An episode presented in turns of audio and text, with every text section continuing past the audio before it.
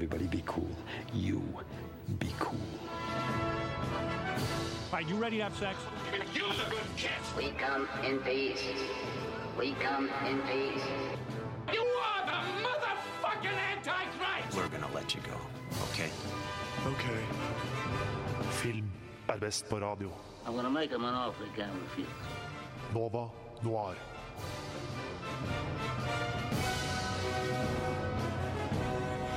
Morgen, alle sammen. I dag er det torsdag, og dere vet hva det betyr. I dag er det en ny sending med ditt yndlingsfilmprogram, nemlig Nova Noir. Way. Whee!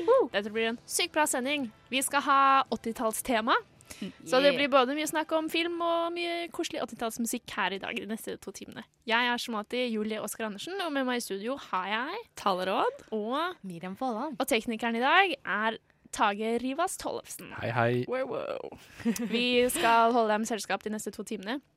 Og snakke om 80-tallsfilmer, hvorfor det er lættis, hvorfor det er bra, hvorfor det ikke er så bra, kanskje. Vi skal også anmelde den nye filmen Allied, som med Brad Pitt og Marianne Nei, Marion Courtier. Jeg hadde fransk på ungdomsskolen og videregående, kan du fatte det? Nei. Men først og fremst skal vi kose oss, eller hva? Vi skal kose Åh, oss koselig. masse. Dette blir en kosesending med stor K. Eh, I den anledning så har jeg kjøpt eh, godteri til oss, og det var med tanke på tema. Så jeg gikk i butikken tenkte at det er så lett å bare finne godteri fra 80-tallet. Fordi på alle Er det det? Fordi, det okay, det? fordi jeg tenkte på. Alle pakninger står det, ja, står det sånn Den er fra 80-tallet? Since 1980. Ja. Eller på baksiden står det sånn eh, Our company started in the 1980s. Men det, til mitt store sjokk, gjorde det ikke. Det kommer bare på sånn mokkabønner som kunne vært fra 80-tallet. Uh, nei, men OK. Fordi det var det jeg også jeg, jeg gikk rundt, og så så jeg på godteri som var liksom gammel Eller som jeg tenkte var gammelt. Ja, det er i hvert fall i min familie alle over 80 liker mokkabønner. Ja, Men det det som er, alle de godteriene som jeg gikk sånn til, de var fra sånn 1800-tallet. De var sånn kjempegamle. Ja, vet du uh, okay. Forrige århundrets 80-tallet, altså. Så feil århundre, da. Ja, ja, akkurat. Jeg var sånn Hæ? Ja, ja. Det var dumt. Eh, men OK, så de godteriene jeg fant, da. Jeg har tre forskjellige. De er ganske spennende. Eh, her. Må grave litt Den først. første. OK. Denne eh, Jeg vet ikke hvordan jeg skal gjøre det her. Eh, men Nå er jeg spent. Dette ordet er nevnt i bøker fra Norge fra tidlig 1900-tall. Men så Tidlig ble 1900-tall. den første lagd rundt 1960-tallet. Så, på 1980, tok dette selskapet patent på ordet. Eh, er det noen som vil gjette? Jeg tror jeg så fargene. Jeg så fargene. Nei! Okay, Simon! Laban! Så Men- Laban tok patent på Simon på 80-tallet. Så derfor så har Hva- jeg med Men Simon. hvorfor heter man- Laban? Sånn, hvor kom hvor, Det Hva betyr Jeg er mer interessert i hva man brukte Simon til som ord før Simon fantes. Før det ble en patent? Det Ja. lurer jeg altså på. Hva, hva er en Simon, liksom? Uh, hvis du lurer på Jeg det, tror vi alle har vært borti en. Google, google det. Finn det ut sjøl. Eh, andre er eh, litt morsommere. Eller ikke egentlig morsommere, smaker dritt, da. Eh, men Oi. det var det jeg tenkte når jeg tenkte sånn gamle folk. Ikke at folk som er fra 80-tallet er gamle, egentlig. Bare i forhold til meg. Og det er appelsinsjokolade. Æsj! Nei takk. Ja, Tage, liker du appelsinsjokolade? Oi, det er kjempegodt. Yay, Er ikke du fått okay. på 80-tallet, Tage? Jo. Jo. Ja. Det er derfor. Der har du årsaken. Okay. Da kan du få den, da. Fordi æsj, nei takk. Mm. Det går bra. Eh, og siden jeg bare ga opp å finne ting som var fra 80-tallet, fordi det var veldig vanskelig, jeg prøvde å google også, men så tok jeg noe som jeg også tenker kanskje fantes på 80-tallet, og det er cartoons. Oh! jeg elsker de! Ja. Du gjorde meg Men da tenker jeg mer glad. 90-tallet, egentlig. Jo, kanskje. Kanskje, men, men- eh, jeg er lykkelig. Cartoonies Ja, ja, er Lykkelig er man. Ja. Lykkelig er man uansett. Herregud, takk, Miriam. Ja, så koselig. Veldig Veldig hyggelig. Veldig hyggelig. Herregud, jeg kommer til å spise opp alle sammen. alle sammen. det var en veldig koselig start. Jeg gleder meg til å spise alt dette snopet. Ja. Vi kommer til å få sugar kick, og så kommer vi til å krasje helt når vi er ferdige med sending. Men eh, for å starte hele denne 80-talls eh, tematikken, så tenkte jeg vi skal høre The Beatles med Twist and Shout. Det var altså Twist and Shout av eh, The Beatles. Den kom jo strengt tatt ikke på 80-tallet. Men grunnen til at vi har den med, og grunnen til at den startet liksom hele 80-talls-hoplanen i dag, var fordi i Ferris Bueller's Day Off så mimer han jo Ja. til den sangen. Og det er jo min favorittfilm. Uh, Den er jo ganske noensinne, kanskje. kul, den scenen. Noensinne. Kanskje, kanskje. Kanskje. Vi skal snakke mer om den og mer om andre 80-tallsfilmer, men først så må vi jo ha litt relevant prat, da. Vi skal snakke om ukas filmnyheter.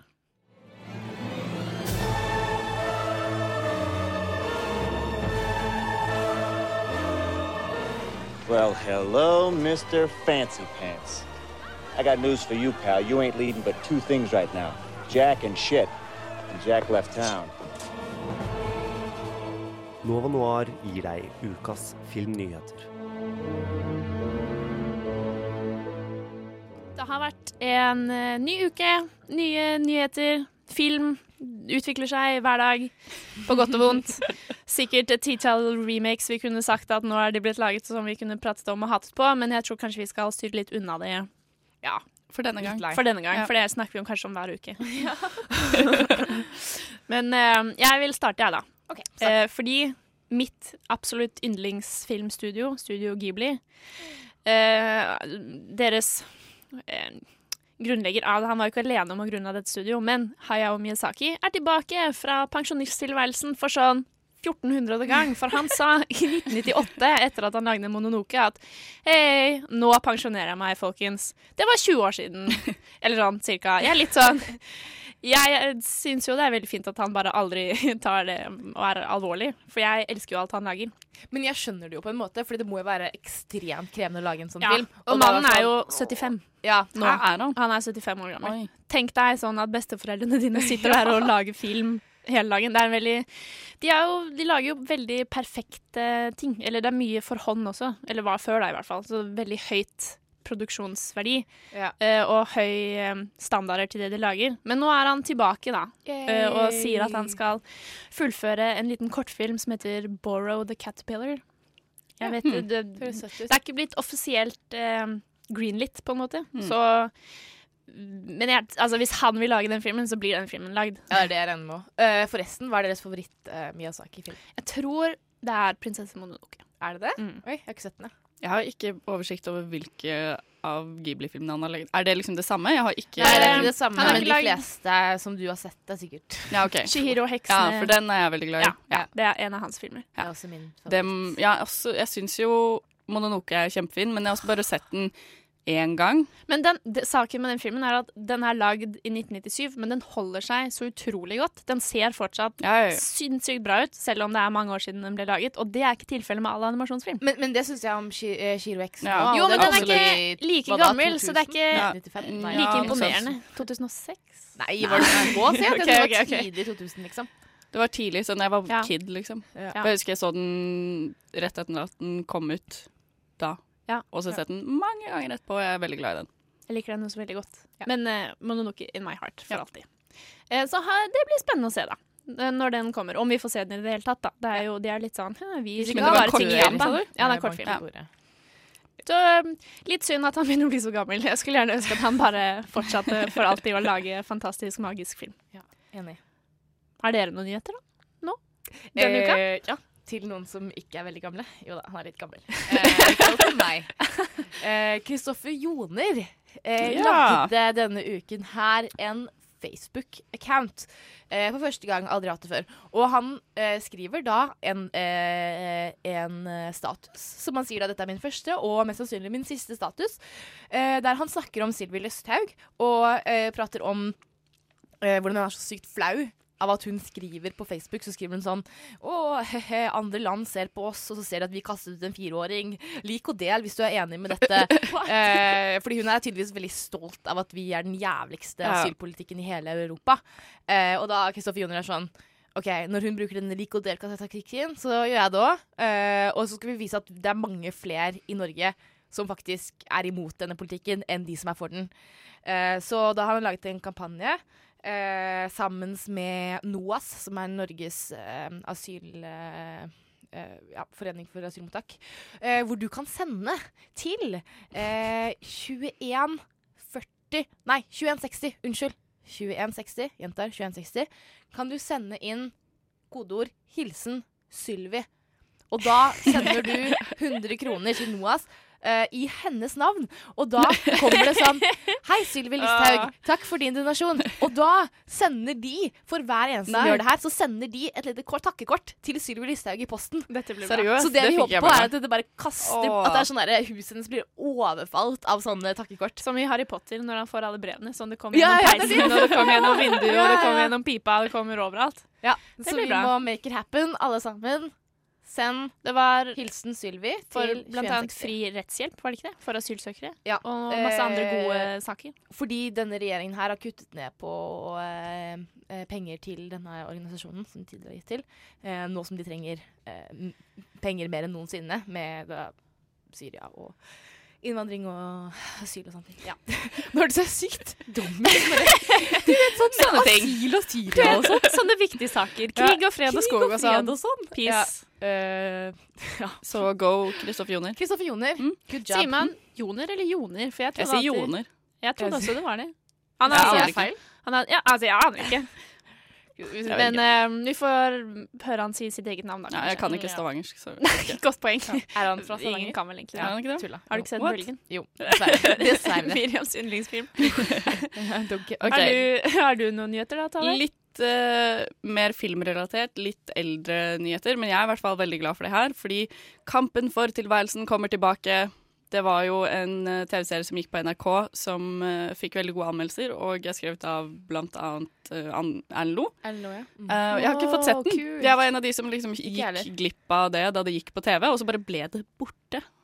For alltid, Ja, trodde det- man det var liksom ikke på det forsvant. lenger Nei, det var noe problem med noe Lisensgreier. ja, lisensavtale og noe Noe sånne greier. ikke- Så det kunne ikke ligge på NRK. Og så ble det borte. Ble ikke um, sendt på nett-TV. DVD Nei, DVD eller noen ting. Ikke nett-TV, ikke noen ting. Ingenting. Dårlig. Men nå, Er det tilbake? nå skjer det. Nå er det tilbake. Den 19. desember så blir eh, Kampen for tilværelsen lagt ut på HBO Nordic. Nordic. Det er dagen før jeg har eksamen. Ja. Så det passer fint. Jeg har en liten uh, Ikke fun fact, jeg vet ikke. Det er litt fun. Uh, Erlend Lo følger jeg på Twitter. Og da alle var sånn pratet veldig mye om tank, uh, kampen om tungtvannet, Ja. så skrev han på Twitter Ja ja, nå er det mye blest eh, kampen om tungtvannet, men la meg spørre dere, hva er egentlig viktigst? Tungtvannet eller tilværelsen? så det synes jeg var gøy, da. Han er morsom. Erlend er jo best. Ja. Ja. Jeg gleder meg til å se Kampen om tilværelsen. Fordi jeg husker at du har snakket masse om det, men jeg har heller ikke noe Fikk aldri Nei, sett jeg fikk ikke sett det. Så jeg føler jeg gikk glipp av noe. Nå har man Vi sjansen. får ha maraton i juleferien. Yes, Det blir bra. det jeg til. Jeg må skaffe meg HBO Nordic, jeg, tydeligvis. Ja, men du kan låne min. OK, men da var jo det løst! Enkelt og greit. Men nå skal vi høre en sang, og denne sangen snublet jeg litt over tilfeldigvis. Fordi jeg satt og så på Adventure Time, som er uh, amazing. Og så spilte Marcelin uh, i den serien denne sangen i en episode, og jeg tenkte å, den sangen var jo sykt fin. Og så tenkte jeg den er jo sikkert ikke av en ekte artist som man kan finne på Spotify og høre om igjen og om igjen. Men, det viste seg at det var det! den var basert på en ekte sang som en ekte artist hadde laget, så jeg kunne få høre den når jeg ville hele dagen. Og dette er altså Mitski med 'Francis Forever'. Det var altså traileren til Allied, som jeg har sett denne uka.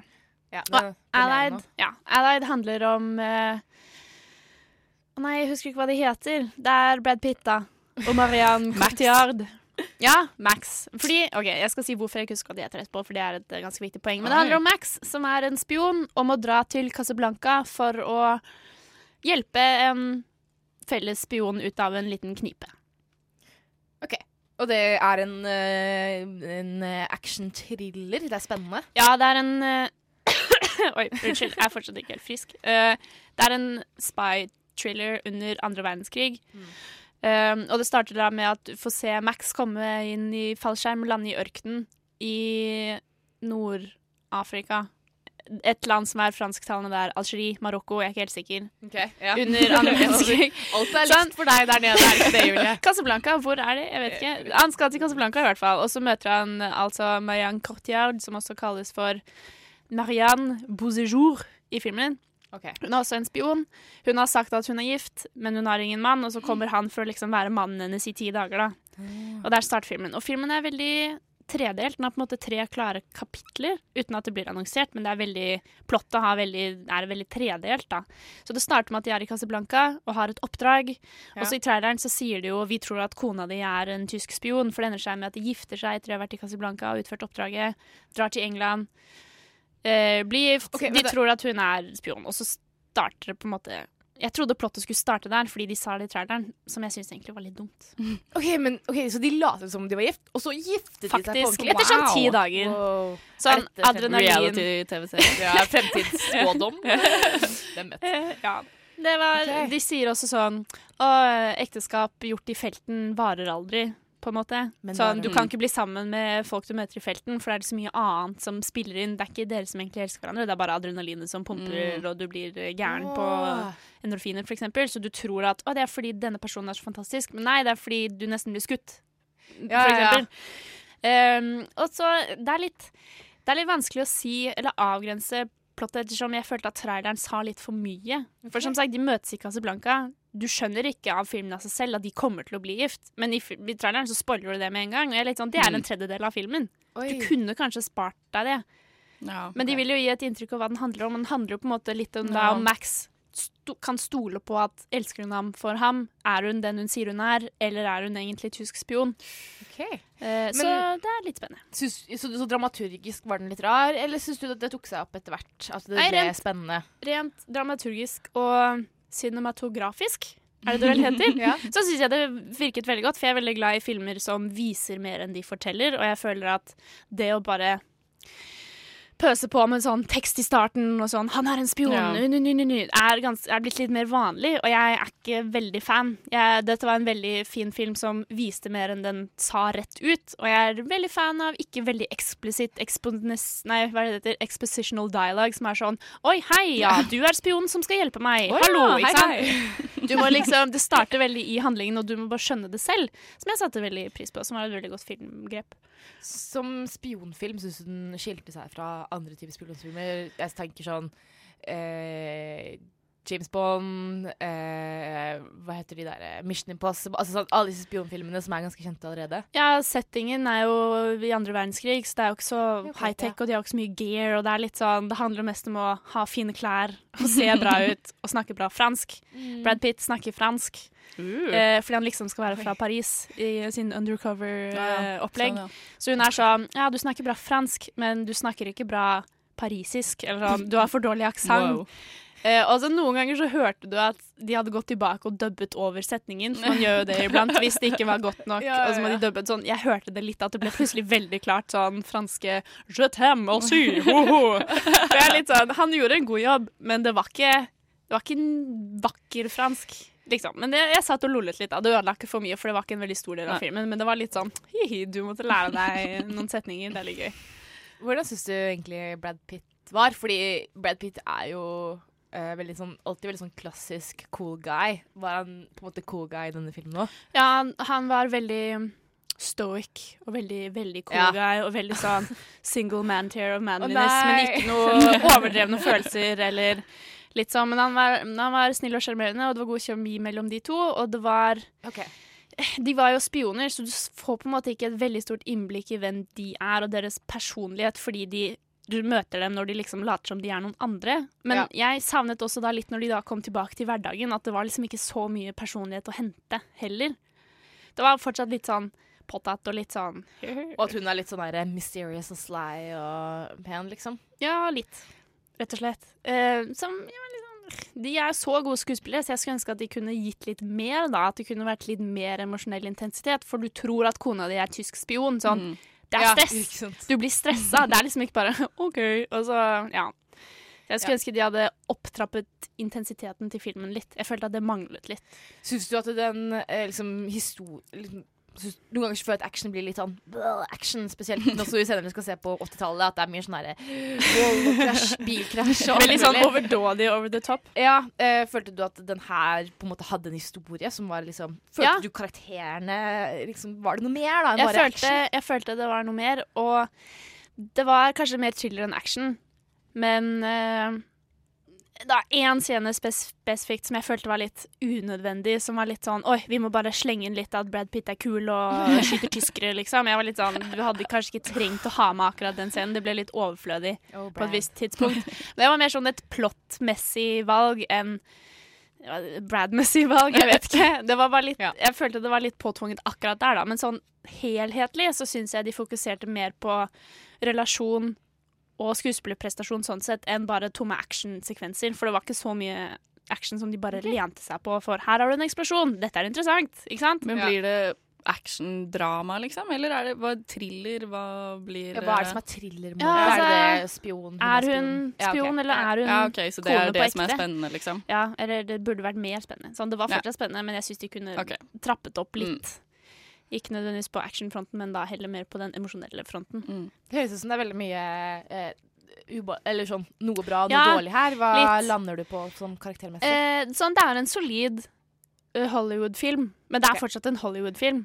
ja. Eh, så jeg syns som regel at Hollywood-film kan være litt platt og kjedelig, men den her var litt bedre enn de fleste, men fortsatt ikke sånn mind-blowing, superfantastisk, gjerne hjerne på veggen-film. Så jeg vil eh, lande på en eh, syv av ti. Som alltid. Som alltid. Verdt å se. Ikke farlig om du mister eh, Skjønner. muligheten. Så det går bra. Det var også godt å snakke om, for jeg har gått og båret på dette siden i går, faktisk. Oi, oi, oi. wow. hele, hele i går. Det er synd på meg. Nå skal vi få høre Ali X som synger sangen 'Bitch', og det er veldig deilig å høre på hvis du er noen du har litt, er litt sint på, eller noen du misliker. Jeg er egentlig helt enig. Det minner meg egentlig om Goodfellas. Å ja, den har jeg ikke sett, faktisk. Å, du har ikke sett Goodfellas? Hva med Gudfaren, da? Nei, nei jeg tror ikke det. Du har ikke sett Gud... øh, hva med Fight Club, da? Mm, nei. Vent, jo, nei, jeg har ikke sett den. Jeg er ganske sikker på det. Ok, Du må ha sett The Good, The Bad and The Ugly. Hva med stygg. Unnskyld. Hva med Pulp Fiction? Har du sett Pulp Fiction? Jeg er ikke så glad i appelsinjuice med fruktkjøtt, så nei, jeg er ikke så fan. Herregud. Um, hva med Citizen Kane, da? Du må sette Citizen Kane. Å, er det han som er, han som er sammen med hun, hun kjendisen? Er det, han, er det de som er gift? Å, å gud. Vi har en jobb å gjøre. Pile of shame. Pile of shame. Pile, of, shame. Da er det tid for Pile of Shame. Denne uka så blir det jo 80-talls-relevant. det var jeg som valgte film denne gangen. Jeg ser mer film enn det jinglen tror at jeg ser. Eh, så ikke, ikke tro at jeg ikke har sett noen ting. Jeg valgte film i dag, og dette, det, noe jeg mener er et ganske stort um, pile of shame fra 80-tallet, er Blues Brothers, nemlig. for den for hadde- den hadde ikke Miriam eller Tale sett. Nope. For en gangs skyld var det jeg som hadde sett noe som ingen hadde sett. Og vi hadde egentlig ikke heller Eller ikke jeg hadde ikke hørt noe om hva den handlet om i det hele Nei, tatt. jeg visste ingenting. Jeg hadde sett de to mennene med Foodora, liksom. Ja. Og solbriller. Ja. Ja.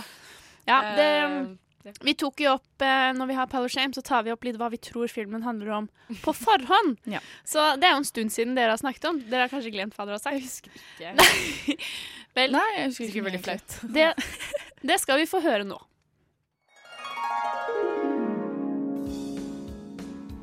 Så hva tror dere Blues Brothers handler om? Um, jeg kan forestille meg at det kanskje handler om eh, to, tre, fire Jeg vet ikke hvor mange det er engang. Uh, noen venner, brødre, som eh, går rundt og liker blues, henger på bluesklubber, blander seg opp i mafiaen og ender opp på feil side av dem og kanskje vikler seg inn i noen problemer jeg tror kanskje at det er noen ja, brødre som spiller blues. uh, og de er sånn er, Jeg tror det er litt sånn derre Kanskje de prøver å være kule mafiaer, men egentlig så er de nerds. Hvis du skjønner hva jeg mener? Sånn, jeg ser for meg litt sånn derre uh, Litt sånn 80-tallshumor. Eh, type Bill and Ted, liksom. Bare med litt blanding av Goodfellas. At det er liksom en slu på Goodfellas, kanskje. Vent da, nå hører jeg jeg skal. Eh, men det er jo 80-tallet, så jeg ser for meg at det blir sånn tullete 80-tallshumor. Sammen med litt sånn derre uh, seriøs action, liksom pow pow. Uh, Die Hard, litt humor, jeg vet ikke. Nei. Uh, ja. Har du noe mer eh, plottbaserte antakelser da, Miriam? det er jo lett å si bare 80. Det er en 80-tallsfilm lagd på 80-tallet. ja. Uh, ja, kanskje De har jo sånne Foodoras, så jeg ser for meg kanskje at de prøver å legge an på noen damer, men så blir de friendzona, eh, og de hater kvinner. Ja. Det er det eneste jeg kan tenke meg. Ja, jeg har sett den, jeg, så dere får vente og se, da. Det er jo alltid litt gøy å høre hva man tror før man ser en film man ikke har noe anelse om. Men bare sånn superkort, hva er det Bruce Brothers Bruce Bruce? Blues Brothers egentlig handler om? Um, Nå som du har sett filmen. Nei, altså det er jo to brødre. En av de kommer ut av fengsel. eh, de drar tilbake igjen til barnehjemmet de ble oppdratt på. Finner ut at uh, nonnen som eide barnehjemmet, sliter eh, med gjeld. Eller sånn det skal legges ned. Ja, pengeproblemer. Så de finner ut at de skal samle band igjen for å prøve å tjene opp disse pengene. Joliet, Jake, and Elwood Blues.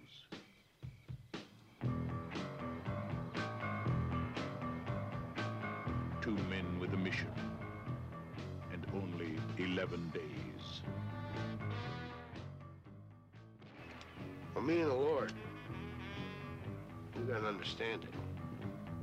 We're on a mission from God.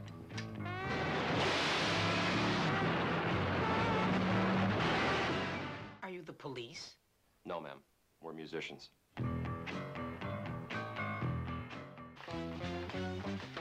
The Blues Brothers.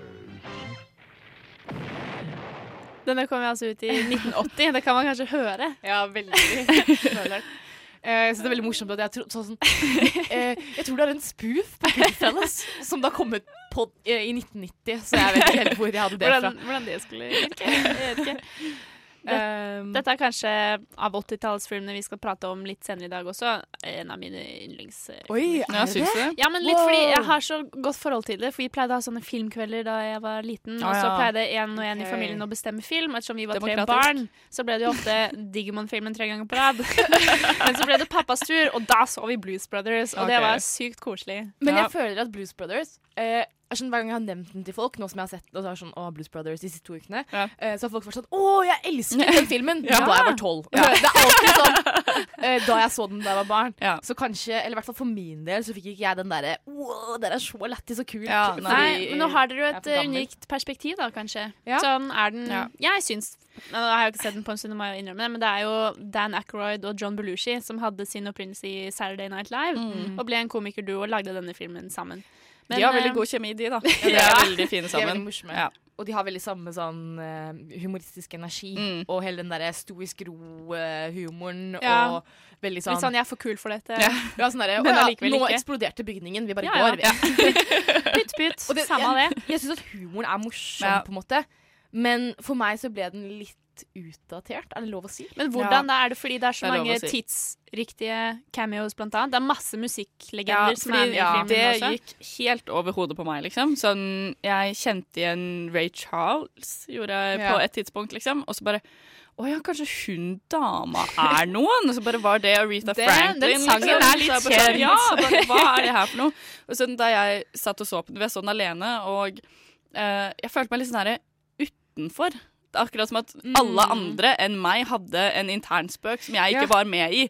Så jeg bare sånn mm, Jeg skjønner at det her skal være morsomt, men jeg skjønner ikke helt hvorfor. Jeg tror kanskje det hjelper å ha noen, i mitt tilfelle, som da er Ja. litt mer tidsriktig, og som sitter og forteller Ja. meg dette er eh, Ja. Aretha Franklin. Ja. Han er en For det skjønte ikke jeg et, før etterpå, liksom. Litt Nei. sånn uti filmen. Jeg tror også det er en litt film du må se med andre, ikke Ja. en film du må sitte alene og se i. stua. Fordi den er jo litt Den er jo litt absurd og litt rar, Ja. ikke sant? Den er Den, var, ja, den er veldig absurd, og den varer i sånn to timer og 20 Nei, ikke så lenge. Jo, er Seriøst?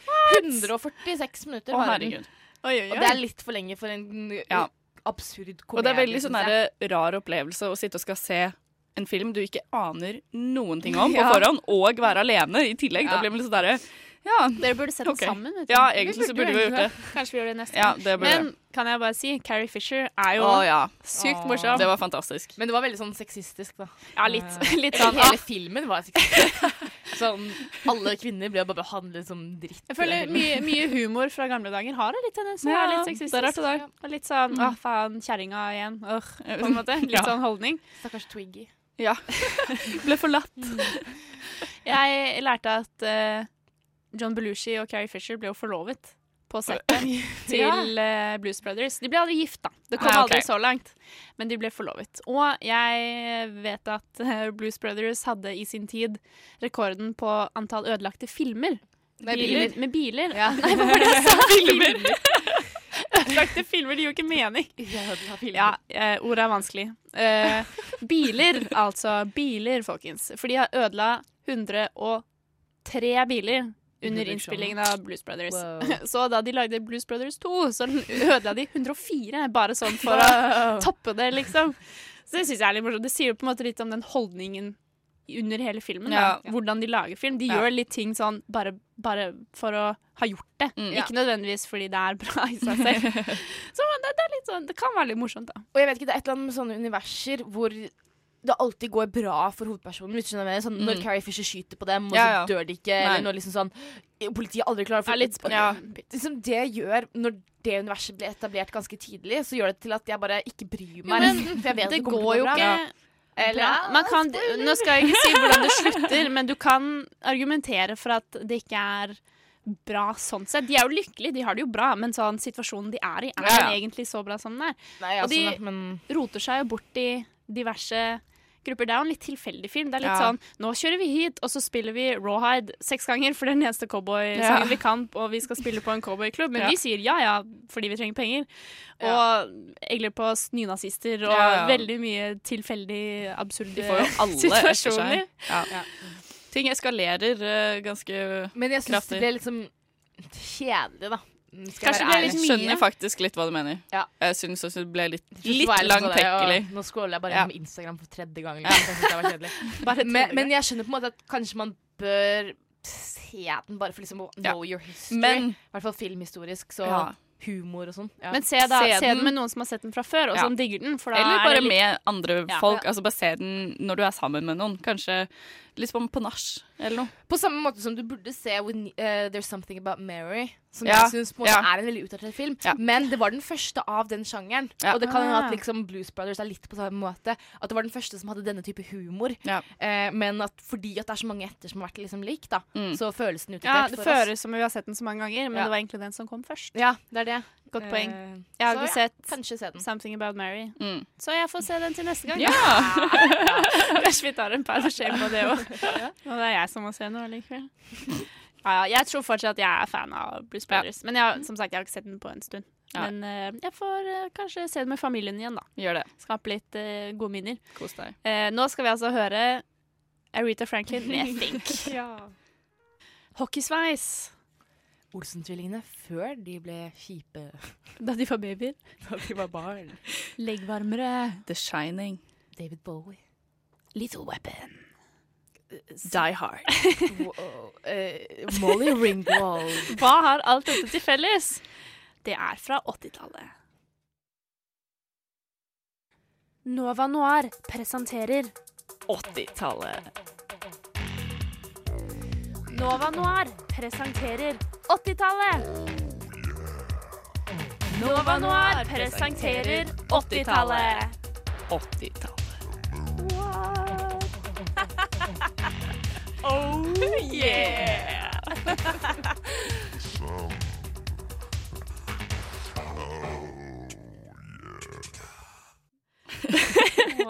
Er altså den sangen fra Ferris Bueller's Day Off. Enda en. Oh yeah. Ja, enda en. Oh yeah av Yellow. Yellow.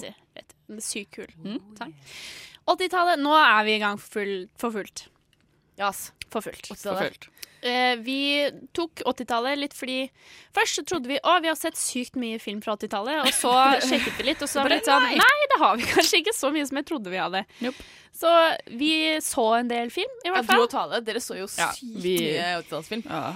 Sykt mye. Ja. Så nå, nå har vi sykt peil. Nå må du høre på oss for å få Mhm. 80-tallet. Og jeg føler når jeg bare sånn tenker på 80-tallet, er det jo stort hår. Permanent Leggvarmere. ofte. Legger meg sånn som vi sa, Håndsveis, ja. Sånn som vi sa tidligere. Og jeg tenker også sånn filmmessig så er det veldig overdådig og veldig sånn store skulderputer og stort hår og stor, stort skuespill og veldig dramatisk og litt sånn over the top, selv om det kanskje ikke egentlig Ja, kanskje. er en veldig stor film, da. Tenker jeg i hvert Ja. fall. Og jeg syns kanskje 80-tallet er dramatisk. Ja.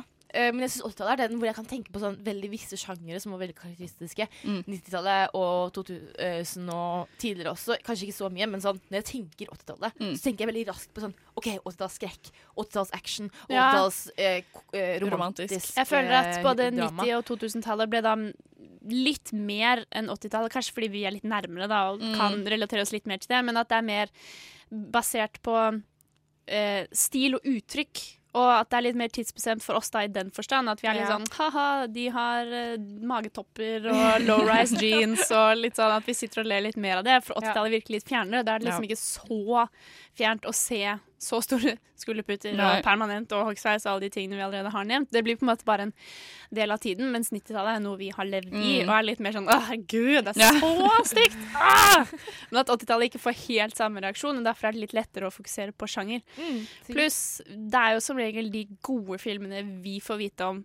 Oss som er, og, og- Ja, er født i, på 90-tallet, da, i hvert fall. Takk. Så vi sitter jo og tenker da bare på de, ofte de beste filmene fra 80-tallet. Ja. Når vi tenker på 80-tallsfilm. Så vi Mm. fikk jo aldri med oss de dårlige 80-tallsfilmene.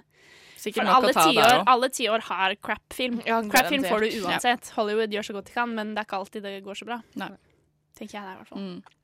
Har dere noe annet forhold til 80-tallsfilm sånn Mm. generelt? Jeg er veldig glad i Bruce Brothers, som sagt, tidligere. Men uh, Ja, når dere altså- tenker litt nå, er det en film dere er sånn Oi, shit, den er fra 80-tallet. Den liker jeg så godt. Ja, jeg nevnte jo at First Bueller's Day Off er jo faktisk, jeg tror, en av altså, topp ti filmer overall.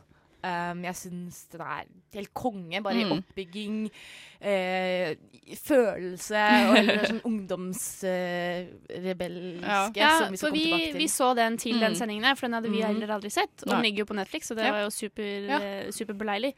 Og jeg må si, den overrasket meg skikkelig. Jeg, Ja. var ikke forventet, jeg forventet ikke at den skulle være så bra, men den var så bra. Helt enig. Men uh, var det fordi at uh, dere så den norske tittelen? Vet dere hva den norske tittelen er? Nei. Skulk med stil. Ja.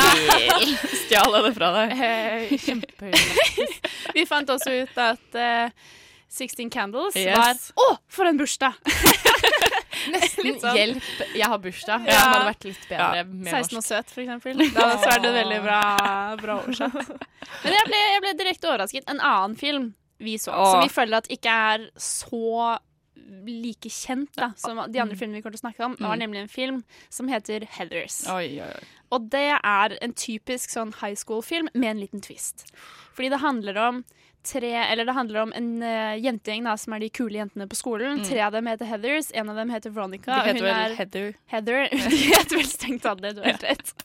De heter Heather, entall, og så er det Veronica, som er spilt av Winona Ryder, som er Mm. best. Ja, det var Eh, fantastisk. Så det, litt, det handler litt om Veronica, da, som er med i denne klikken. Men de er jo ikke egentlig venner, og de er litt kjipe mot hverandre. Og hun liker ingenting av de, det de står for, for de mobber jo de andre barna Ja, ja. hovedsakelig. Mm. Men hun liker å være en del av gjengen fordi De er populære. det er de som er på topp, ikke Ja. sant? Så hun er på en måte Jeg er for feig til å gjøre noe med det, men jeg hater det allikevel. Mm. Og så møter hun jo bad boy Hvordan heter han skuespilleren? Christian Slater. Ja, hun møter bad boy Christian Slater, og de klekker ut en en plan, eller de roter seg borti noe, da. Jeg vet ikke hvor mye, sånn. hvor mye jeg skal si, men den var også bare Den tok meg skikkelig med overraskelse. Mm. Jeg var litt sånn Tror at 80-tallet er litt, litt teit og litt sånn klisjé og cheesy, fordi jeg Ja. har sett mye Jeg av de trodde- filmene før. Ja, jeg trodde den det kom til å bli kjempecheesy, og så var det ikke det i det hele tatt, egentlig. Den tok meg med storm. Den var Ja. sykt kul. Så hvis dere får mulighet til å se den, så burde dere virkelig Ja. få med dere Heathers. Heathers. Heathers i flertall. Writer spilte også i Beetlejuice, eh, som også er Ja, til å få med. Fra 80-tallet. Det var kanskje hennes største Eller sånn før hun Ja, kom i fengsel hennes- og ble klippet av alle de greiene der. Nei, men den kom før Heathers, så hun kom jo Hæ? med Girl Interrupted Ja. og Reality Bites. Og hvem er det hun er egentlig mest kjent for? Scissor Hands? Eh, Edward ja, Scissorhands. Edward Hun er med der òg, ikke sant? Men Og- alle, de er vel 90-tallet.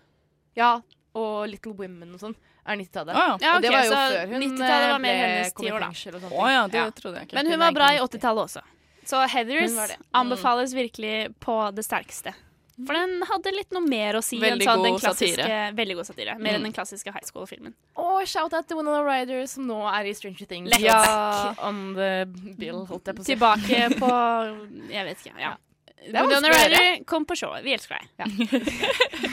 vi skal snakke mer om 80-tallet. Vi skal blant annet touche litt på action og litt på skrekk. Og så skal vi snakke litt om John Hughes. Og vi skal finne ut av hvilken John Hughes-babe vi er. Vi skal ta en quiz. Nei, ikke John Hughes. Vi skal finne ut hva slags 80-tallsbabe Å ja, okay. Bare 80-tallet. Ja, det er riktig. Nice. Litt, som litt videre.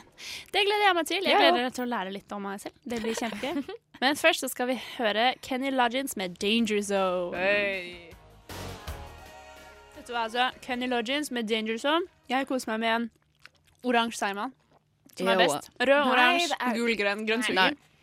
Hæ? Vi hadde en liten diskusjon under sangen, nemlig. Men Danger Zone spilles jo i Top Gun, ja. som vi dessverre ikke fikk sett. Vi skulle se den, men Ja. eh, skole og liv kom i veien. Men er den verdt å se, Miriam? egentlig? For jeg har hørt mye om det. Tom Cruise er jo veldig alltid populær. Sånn, han holder seg jo, han spiller jo det samme hele okay. tiden. For det første så syns jeg faktisk ikke den var så bra. Eller var litt overrated. Men for det andre så er jeg ikke så fan av Tom Hank Nei, Tom Tom Hanks. Tom Hanks elsker jeg. Tom Cruise. Nei, ikke jeg er ikke sånn direkte fan, men han er jo litt sånn Jeg vet ikke. Jeg synes Han ikke er så kjekk heller. Jeg, Jeg, jeg syns han var skjønner- veldig skjønner kjekk i uh, The Last Samurai. Nei, Seven Sa Nei, jeg Ja, den. Samurai-filmen. Ah, ja. Men da var jeg til gjengjeld kanskje ti, eller Ja. noe sånt. Ja. Og en ri på hest mindre. og sånn, da. Ja. Det hjelper jo også litt på men's sexiness.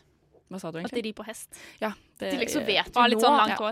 Nå Ja, det er vet kanskje vi jo at han er batchet crazy. Ja, vi vet bedre enn det. Så da er det liksom sånn vi vet. Scientologi-kirken og Men diverse, eh, Mel. Gibson eh, derimot Nei, Han er jo i gæren!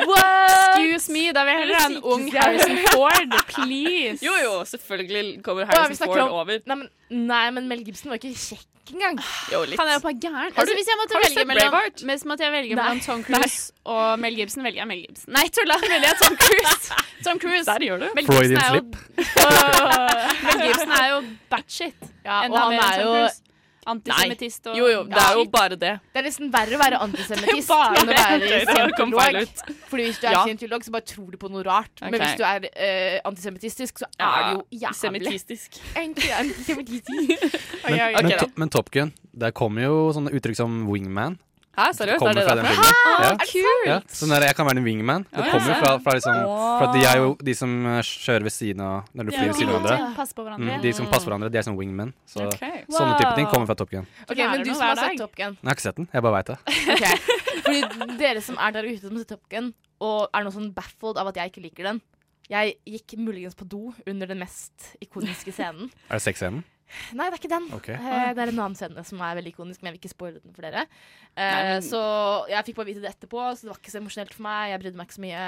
Men Derfor hvis du er enten enig eller eller uenig med Miriam Hæ? eh, Hvis du er enig eller uenig med Miriam om Top Gun er bra For ingen av oss andre i studiet har tydeligvis sett Top Gun, som Ja. er litt dumt. Men eh, snakk til oss på Instagram, for eksempel. Ja. Ja, er gjør Nova det. Noir 993. Gjør Eh, det. skyt oss en melding på Facebook.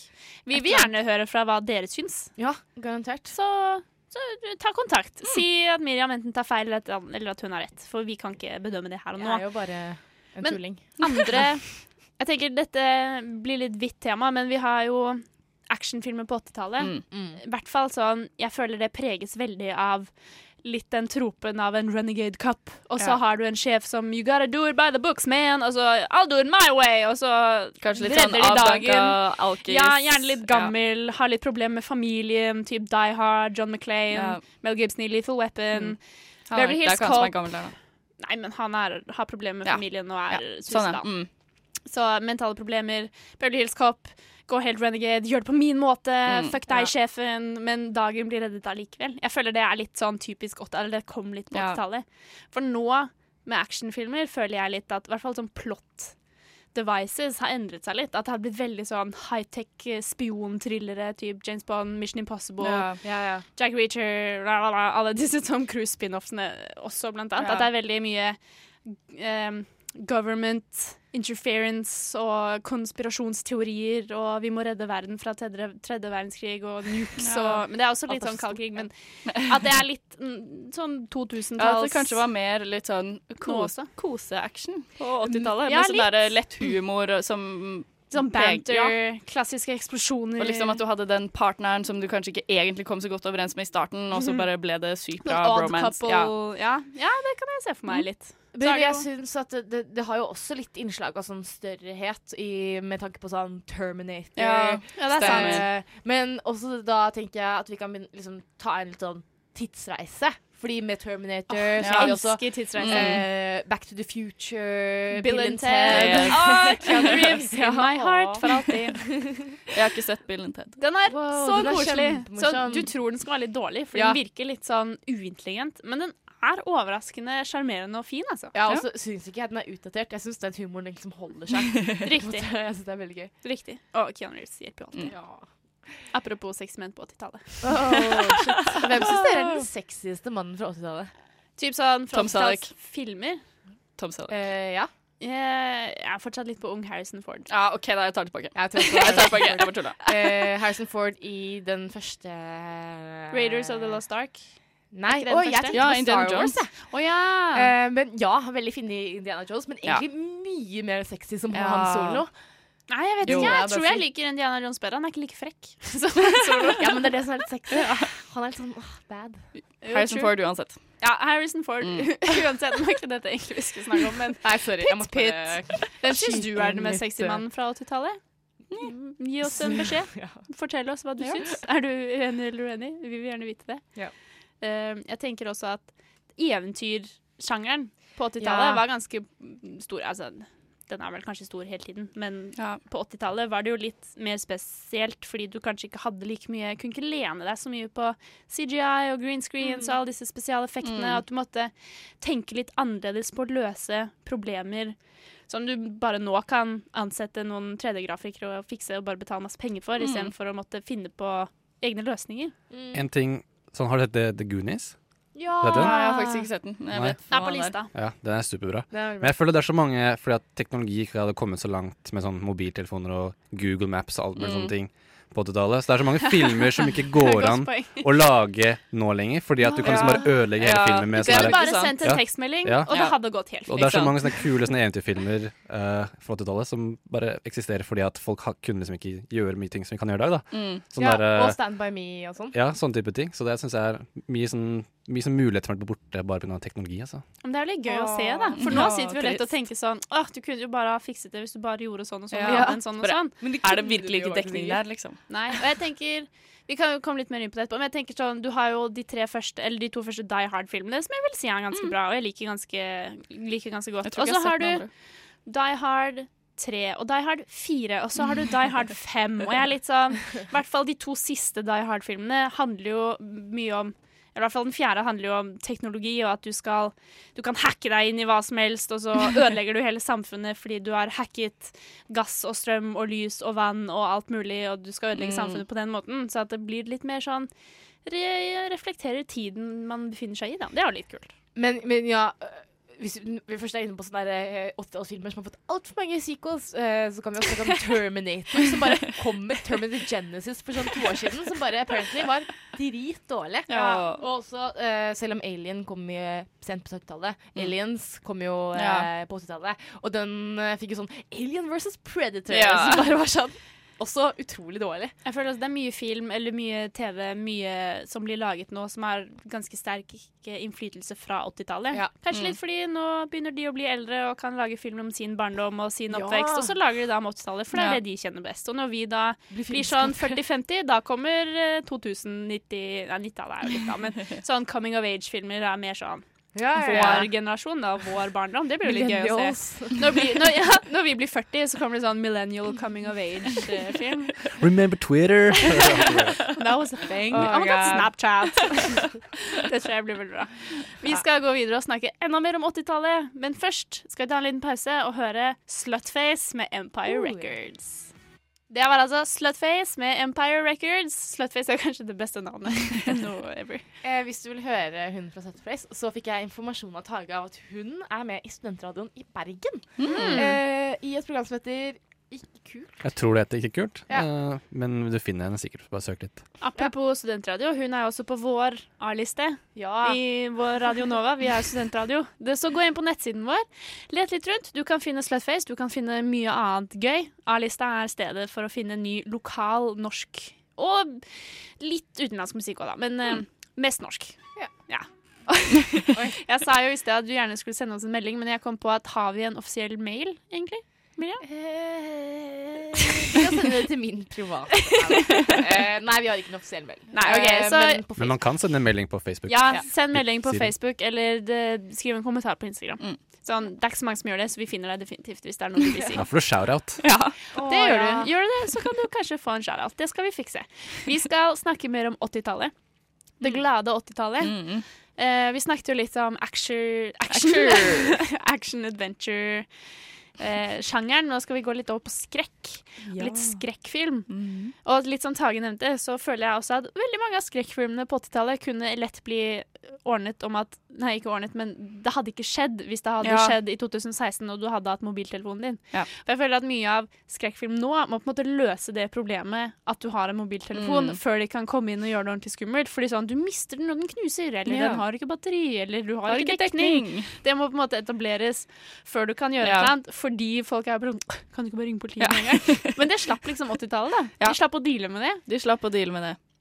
Uh, og altså, det er veldig mye fin, fin skrekkfilm fra 80-tallet. Hva Um, var favoritter? Jeg Kanskje Jeg tror 'Shining' er kanskje en av de som ligger eh, helt opp eh, på toppen. Fun fact. Eh, mest for meg, da. For jeg så Shining Hotellet i sommerferien. For jeg var i Colorado. Var du? Og vi kjørte forbi, og så var vi litt sånn stilig. Skal vi gå inn og se? Og så sa de at det koster ti dollar for å bare parkere, fordi det er så mange som vil gå inn og se. Og vi var litt sånn Nei, OK, da. Men jeg så det på utsiden, og det var sykt kult. Og dritfett. Veldig kult. Shining er sykt bra. Den er jeg veldig glad i. Eh, Stephen King fikk jo Stanley Kubrick til å lage den filmen. Eh, og så var han liksom misfornøyd med Ja. de kunstneriske frihetene som eh, Stanley Kubrick tok. Så det sånn Det er så det er jo, petty.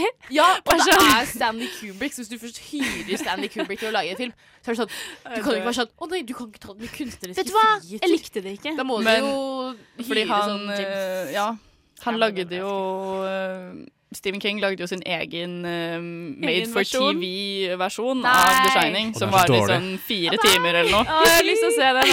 Herregud. Det er uh, ganske fantastisk. Den Men det er så rart for meg, fordi Stephen King virker sånn egentlig som en sånn sykt kul jordnær Ja, ja. Og det er derfor det er så rart for meg at han bare Ja, men altså, sånn, den er, det er nok noe med det at den er så langt unna boka. Altså, Ja. Kubricks versjon er ganske annerledes enn det boka Men jeg har er. Og Og boka. fokuserer på helt andre ting. Ja, men jeg har lest boka, Ja. and to be honest, så er Kubrick-versjonen Nei, syns du det? Ja, Jeg liker boka veldig godt. Gjør du det? Ja, jeg gjør okay. det. Men jeg er veldig glad i Stephen King, da. Så, og da blir jeg litt sånn her Jeg er veldig glad i alle disse dårlige filmatiseringene av filmene hans også. Uh, men ja, jeg er veldig, veldig Stephen King-fan. Ja. Men andre morsomme ting som uh, også kom på 80-tallet Jeg føler det er veldig sånn typisk 80-tallet. er veldig sånn uh, creature flicks, Mm. eller sånn at det er monster, uh, monsterfilmer, da, med Ja. The Thing og uh, Gremlins. Gremlins kom jo, og det er litt sånn zombiegreier med Evil Dead og The Fly. The Fly, for ikke minst. Wow. Men jeg syns det er litt imponerende at det er så mange creature-filmer fra 80-tallet hvor det var ja, Det sa jeg jo litt i sted, da, men at det ikke har like gode effekter som nå. Ja, men. Det er jo det som er så bra, for Ja, det blir så innmari gode praktiske effekter av det. Det ser jo utrolig kult ut. Men ser det bare Fordi vi er jo litt vant til andre ting når Ja. vi ser på skrekkfilm, så ser det bare kult og imponerende ut. Å ja, fordi dere hadde ikke CGI, så det ser nesten troverdig ut. Bra. Eller sånn, det ser faktisk bra ut. Jeg syns det ser kult ut ofte. Det kommer jo veldig an på, da. Men ja, ja, klart. Men som The Fly, der, for eksempel, som har en ganske omfattende ja, det må. Tage svare på i så fall. Jeg har bare Ja. sett den fra 60-tallet. Det er jo Jeff Goldblum som Ja. blir til en Ja, ja, han blir flue jo gradvis. mer og mer gradvis eh, helt til en flue, da. Og Men- jeg syns, liksom det er så utrolig bra sminke, for du ser liksom nyansene sånn sakte, men sikkert. Han blir mer og mer sånn misfosteraktig. Og jeg synes, det syns jeg ser veldig kult ut. Jeg tror faktisk ikke det hadde blitt like bra om man hadde gjort det nå. For du hadde ikke fått samme forhold til filmen. Du hadde, ikke, du hadde sett det, og nå vet du jo noen har brukt kanskje 14 timer på å lage den protesen som han har brukt fem timer på å få sminket på i ansiktet, men nå så er det bare sånn ah, Du kunne jo bare trykke på noen knapper, Ja, og så hadde du lagd det. Nå så ser du at folk kan liksom bli unge. Du kan, Ja. du kan lage yngre versjon av deg selv med litt CGI. Robert Ja. Downey jr. i Ja. Avengers-filmen, Så det er for så vidt imponerende, det også, men det er ikke det samme. synes Nei. jeg. For jeg, liksom, jeg føler at det er sånn er nesten sånn tapt sånn kunstform når de bruker sånne praktiske Mm. i filmer. Fordi at nå er det som alt kan bare bli CGI, og det liksom mister litt den derre Egenheten ja, un, og litt den, un, den kunstneriske unikheten ved Ja. liksom, Du kan liksom Fra 80-tallet så kan du liksom Ikke at jeg kan navnet, men du kan liksom name-droppe sånn derre Å, han er den sykt kjente sånn praktiske effekten Mm. fra de og de filmene. Mens nå så er det sånn derre Hvem som helst som er gode Ja. i de programmene, kan liksom lage hva som helst. Men nå er det jo ikke sånn at det er bare bare altså, hvis det er å bare trykke på noen knapper, så får du eh, magisk CGI ut av ingen steder. For god CGI merker du sjelden at er der. Mm. Så det skal jo nevnes, da. Så Ja. det er jo ikke bare bare det heller. Det er et eget yrke. Men jeg sier litt sånn, det har en litt egen sjarm og litt egen flair med praktiske effekter det. på 80-tallet. Det har I hvert fall i skrekkfilm.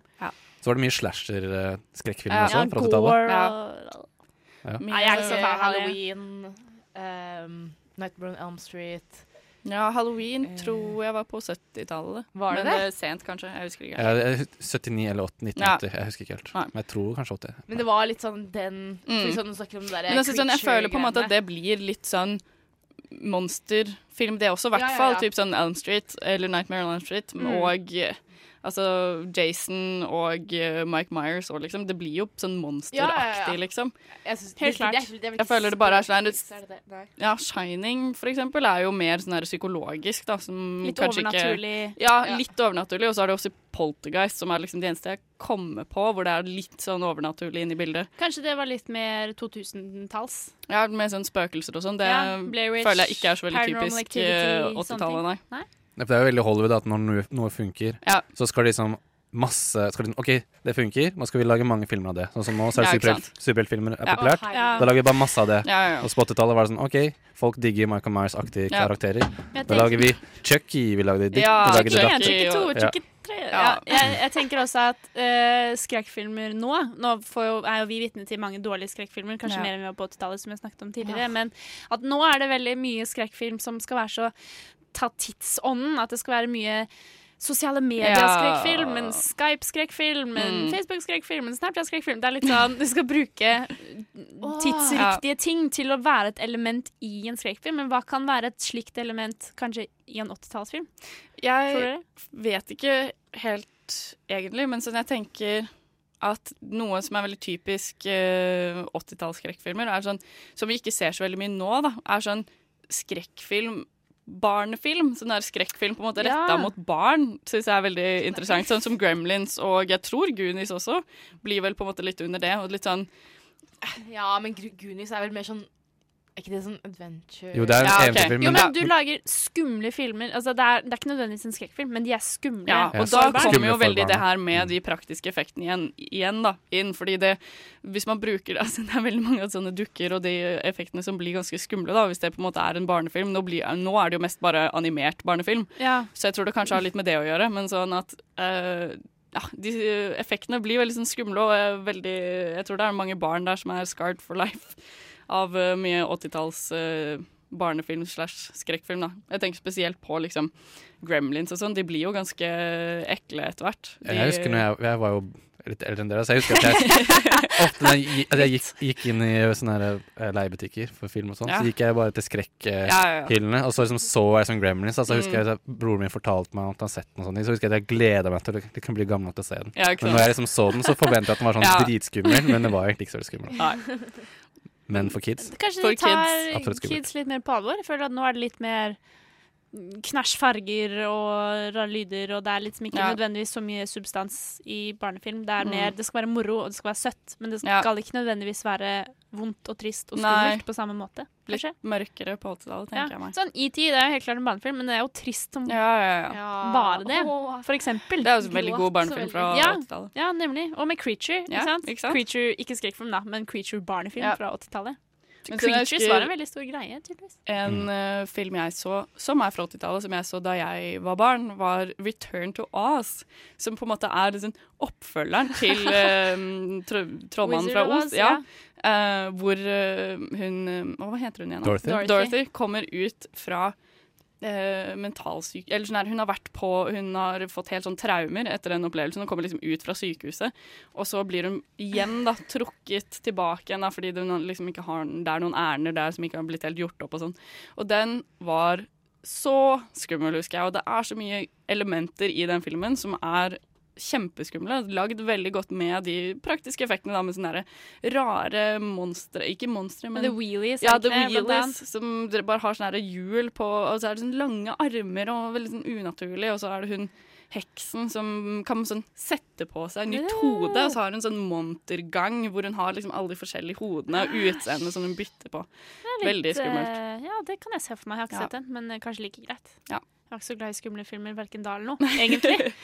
vi skal snakke litt mer om eh, 80-tallet. Vi skal også ta en quiz, finne ut hvilken 80-talls-babe vi er. taler jeg. Miriam skal spørre oss, grave litt, finne Ja. ut uh, hvem vi egentlig er. Men nå så skal vi høre Tidelines med 'Wasting'. Det var altså Tidelines med 'Wasting'. Wasting. Wasting. Ja, um, Nå skal vi høre et, et innslag som jeg har lagd. Det handler om John Carpenter. Mhm. Hørt om han? Ja. Hva? Nei, hvem? Har vel det. Men si litt hvem han er, du, kanskje. Han er en eh, Eller han holdt på å si var, han er lever fortsatt, men han har ikke lagd filmer på veldig lenge. Han var veldig stor på 80-tallet og 90-tallet. Han Lagde mange sånne der, ganske originale skrekkfilmer og actionkomedier og mye forskjellig. Så jeg har lagd et innslag hvor jeg fokuserer mest på musikken hans, for han var jo, hadde en konsert i Oslo for, eh, i oktober eller, tror jeg det var, eller september. Mm. Der var jeg, og eh, jeg syns det var litt kult, fordi at uh, musikken hans er veldig innflytelsesrik. Man hører jo veldig mye av hans uh, stil i musikk, eller filmmusikk, som er veldig relevant nå fortsatt. Så det er det jeg egentlig prater om i det innslaget der. Onsdag 24. august har vært høydepunktet det året her så langt. Hvorfor det, spør du deg selv? Vel, det var kvelden jeg fikk sett mitt idol John Carpenter live på Oslo konserthus.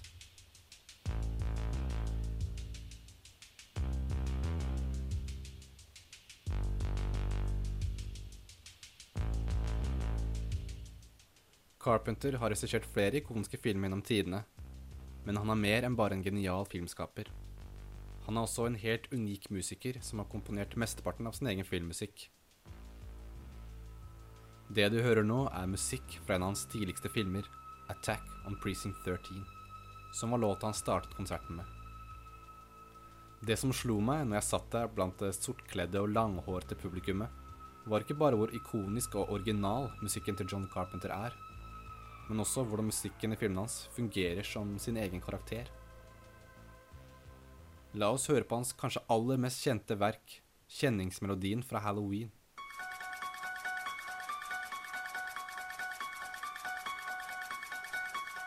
Du får frysninger nedover ryggen, ikke sant?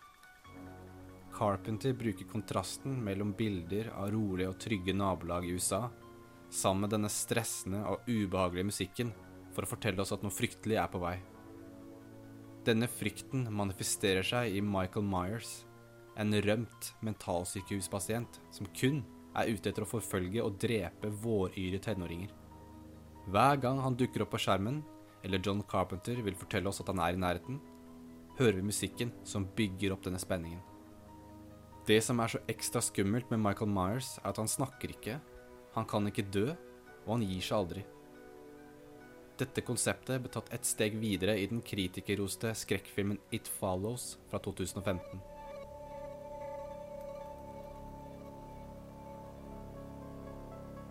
It Follows er helt klart inspirert av Halloween, både i stemning, cinematografi, omgivelsene og ikke minst musikken.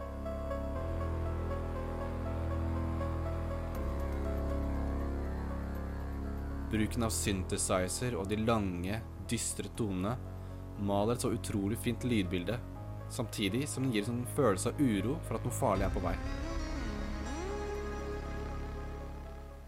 Det er artisten Disaster Peace som komponerte musikken til It Follows.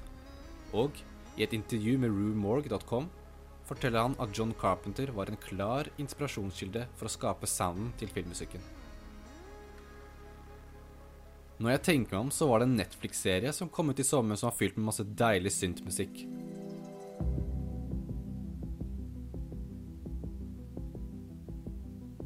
Ja, du kjenner kanskje igjen det du hører nå?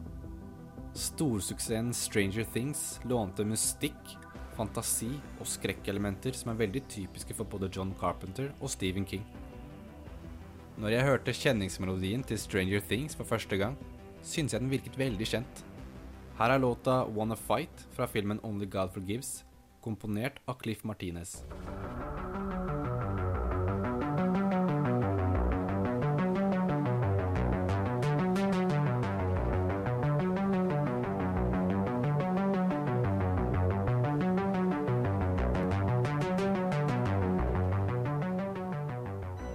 Hva syns du? Ganske likt, ikke sant? La oss høre på Stranger Things igjen.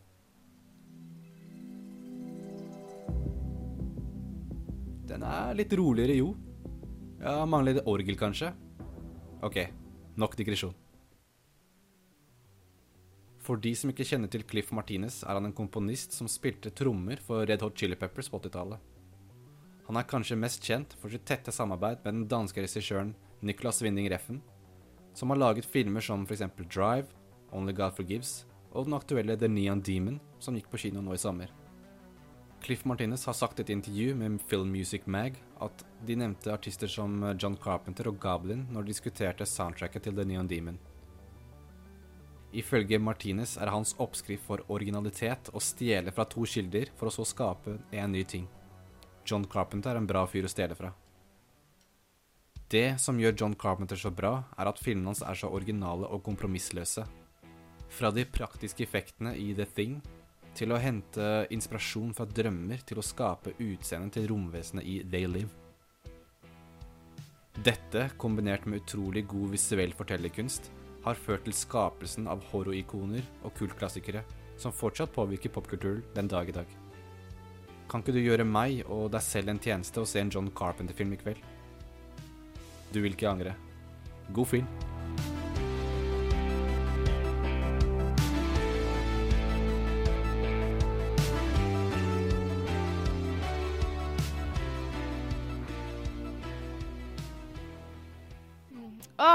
Elsker den sangen, fordi den starter liksom så rolig, og det er bare sånn Å, den her er litt rolig og gammel. litt snill. Og så bare blir den fet! Den er bare sånn Yes! Try a little tenderness, for faen. Og, uh, første gang jeg hørte den her, så var det fordi at Kanye West sampler den. Kanye West og JC i deres album uh, Watch the Throne, så er det en sang som heter Otis, for den er jo laget av Otis Redding. Uh, andre gangen jeg hørte den, var i Pretty in Pink. Ja! Som eh, Tale og Vi- Julie, dere hater den. Nei, altså, jo da. Eller kanskje Vi så den Nei da, så jo da. Nei da, jo da. Vi så den til i dag, eller ja, og, og tenkte eh, Mother Ringwald, ja, fett. Vi liker John Hughes, eh, Breakfast Club er fett. eh, Hvorfor ikke se Ja. Pretty in Pink? Ta hele den runden der, på en måte. Ja. Eh, Jeg var ikke så imponert, Jeg var ass. ikke not a fan. Det er litt sånn Hun var øh, Jeg vet ikke. Det er også en sånn high school-film, og det handler jo om at Molly Ringwald blir eh, forelsket i en av eh, rich kidsa. Ja, han- eller vent, nei. Nei, Rich okay, Kid blir forelsket i henne. Ja, han blir forelsket i henne, og han, hun blir forelsket i han. Ja. Men det er så vanskelig å være sammen, fordi det så, hun er så fattig, og han er så rich kid. Ja.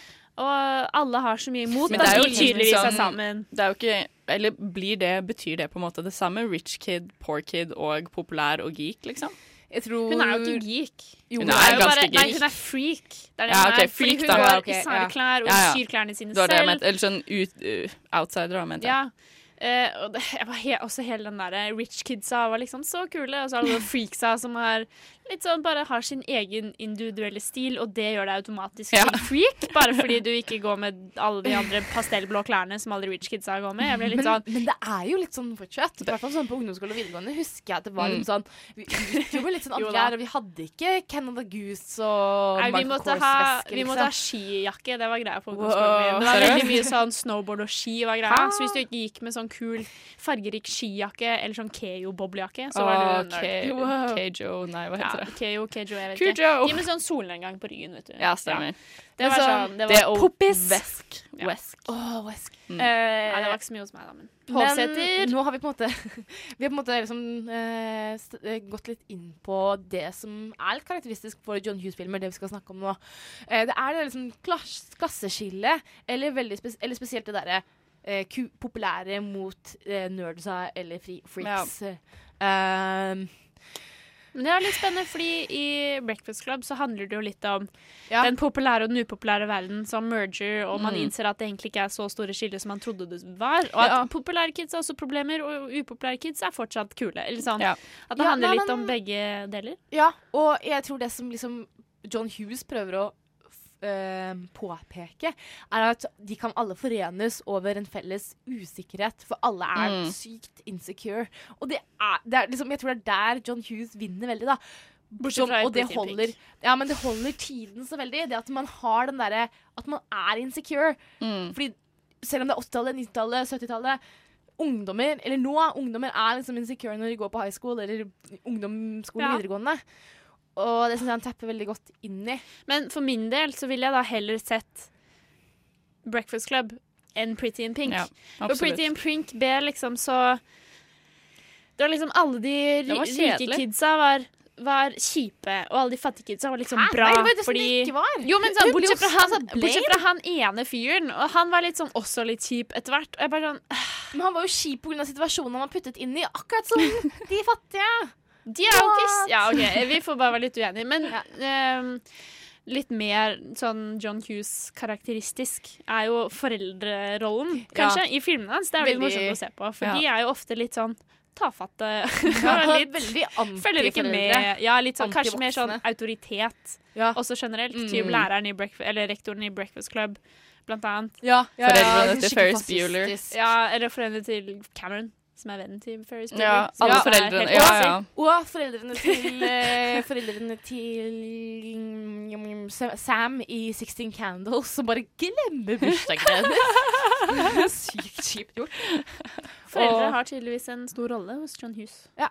Og det var liksom Det tror jeg også var en del av den appealen som mm, John Hughes hadde. Mm. Var det derre OK, vi har om ungdommer, men vi har også om det derre opprøret mot de dumme voksne. Ja. og litt den Kids på min egen alder forstår meg ikke, og selv Ja. mine egne foreldre forstår meg ikke. Ja. Det er ingen som forstår meg-tropen. Litt sånn Mm. 'jeg er så spesiell Ja. fordi jeg er meg', og ingen skjønner hvem jeg er. Før jeg blir forelsket og får en bestevenn. Ja, venter på detention og hele den greia der. Fordi det er akkurat et annet veldig sånn typisk både John Hughes, men også 80-tallskarakteristikk med liksom hovedpersonen. At han tappa veldig inn i den derre Å, jenter eh, på high school. Flesteparten føler seg utenfor. Mm. Flesteparten føler seg at, de ikke forstår, at ingen forstår dem, og ingen ser dem, og at de er helt vanlige. Og det er derfor liksom Molly Ringwald har en veldig sånn appeal, da. Ved at hun ikke Mm. ser ut som en sånn uh, babe, liksom. Men at hun er sånn hun ser vanlig ut, og hun har rødt hår, som Ja. kanskje ikke er så vanlig. Hun Eller er som er sånn babe, litt annerledes. Hun er Hun er jo. Nei, men hun Ja. er pen, men jeg syns Ja, ikke hun er babe. Nei. Nei, nei, jeg syns kanskje det, men Jeg syns hun Hun har litt sånn sånn girl next door-appeal, da. Sutrefjes. Ja. Hun ser fort veldig sånn sutrete pouter ut. Ja, veldig. eller sånn. sånn. Men det er fordi hun er sånn tired of your shit. Det er Ah, ja. Ja, godt poeng. Godt poeng. Sånn, «Åh, alle, alle andre er sånn. Hvorfor er du noe spesiell? Du er vel bare sånn, du òg. Ja. Prove me wrong. Øh, og det finner vi jo igjen også i sånn Dirty Dancing. Ja. Jennifer Grey sin karakter der er jo veldig sånn derre Baby. Å, jeg slutta litt i bakgrunnen. Mm. Put in the corner. Oh, yes. Eh, men også fun fact er at uh, Molly Ringwald hun er rødhåra.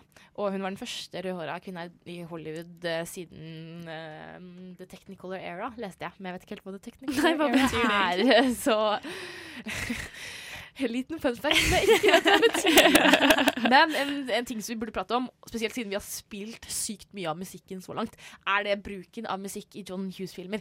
For han bruker Ja, musikk ja. på en Det så er- utrolig bra ja. måte. Det er deilig. En veldig stor del av filmen, typ musikken vi hører, skjer også i filmen. Både i Ferris Mm. Bueller og Mm. i Du ser de danse Pretty Pink mime Og eller- Breakfast ja. Club. Sånn, det som du hører, hører også Mm. de i filmen. Ja, ja. Altså, som jeg syns er et ganske kult grep. For det er ikke bare eh, kul populær musikk han bruker, det er også kul populær musikk for karakterene du ser på i filmen, som også hører på det og danser til det og interagerer med det, som skaper en liksom, ny sånn Ja, og så bruker han det som en plot device. ja. Sånn som i uh, uh, Hva heter den? Don't You Forget About Me. Breakfast Club. Han spiller i Breakfast Club, som er sånn Den handler veldig om sånn derre you, when, når du ser meg etter det her, kommer du til å huske hvem jeg er? Kommer vi Mm. til å fortsatt være venner? Og det er, det er så ah, Det er så perfekt. Blir sånn- Eller når de, når de danser i biblioteket Ja, og på en måte forenes Ja, ja. for første gang på ordentlig i den kule montasjen da, hvor de liksom danser sammen, og de danser litt individuelt, og de gjør liksom masse forskjellige kule greier.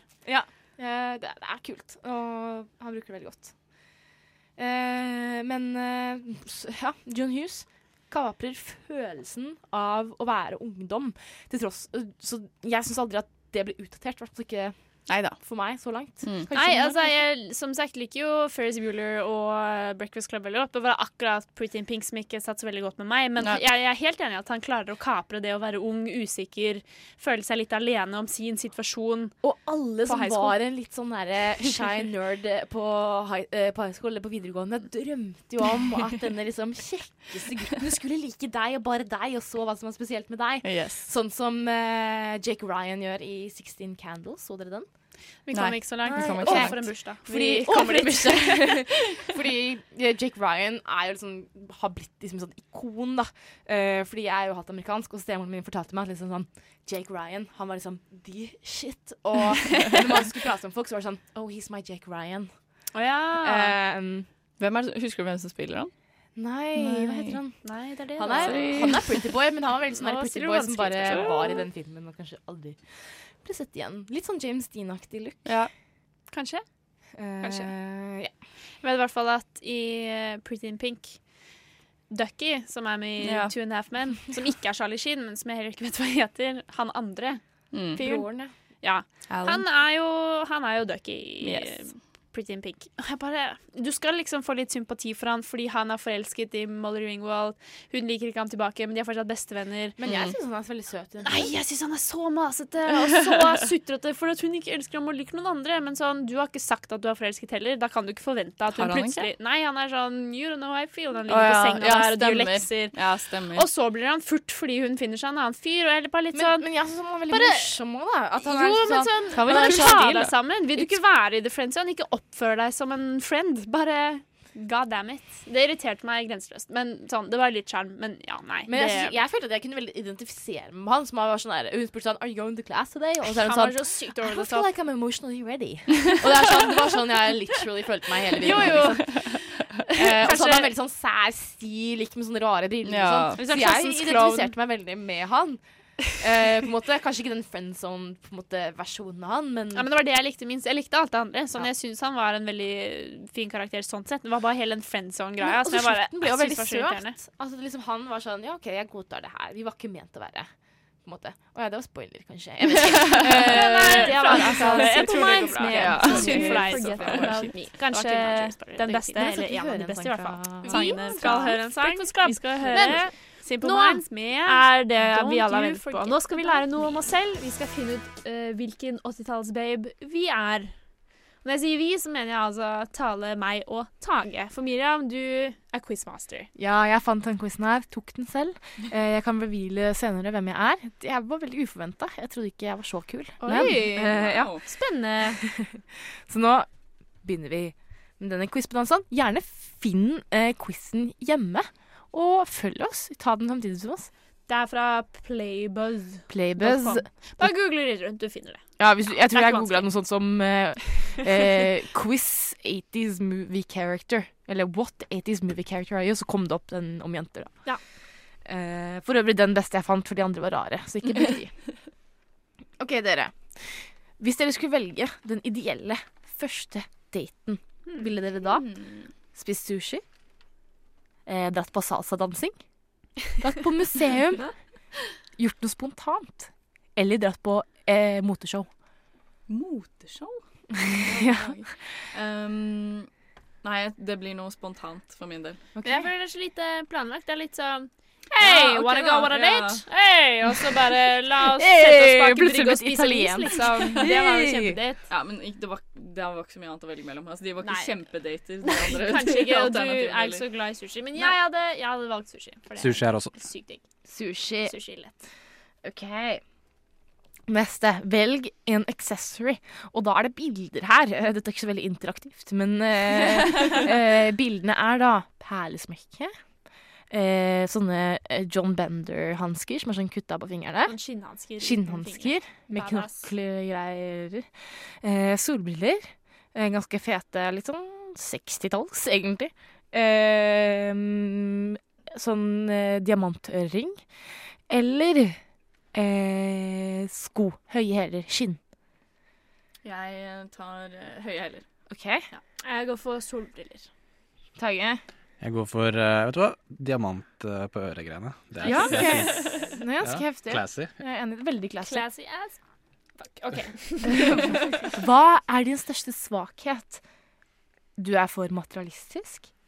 Du blir veldig lett stressa. Du er hot-headed, altså du har dårlig temperament. Uh, er du naiv, eller er du for rebelsk? Jeg vet ikke, jeg. Er du rebelsk, Tale? Nei, jeg er som regel snill og grei. Mm, jeg er kanskje litt uh, naiv eller blir fort stressa. Jeg tror eh, Jeg går for naiv. Jeg gjør det. Ja. Jeg, I hvert fall nå som jeg har eksamen. Eh, lett stressa. Lett fort stressa. Jeg tror meg er dårlig temperament. Blir fort sint.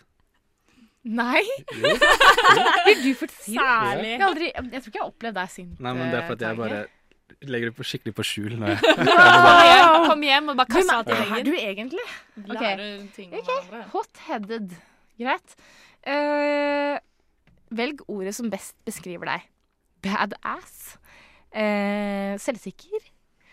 Uh, strong-willed. Laid back eller classy. Åh, vanskelig. Jeg vil jo egentlig mest kanskje være badass. Du er det er jo badass. kult. Men Jeg ville sagt tror- du er ganske badass. Ja. For meg selv da, så tror jeg jeg går for strong-willed.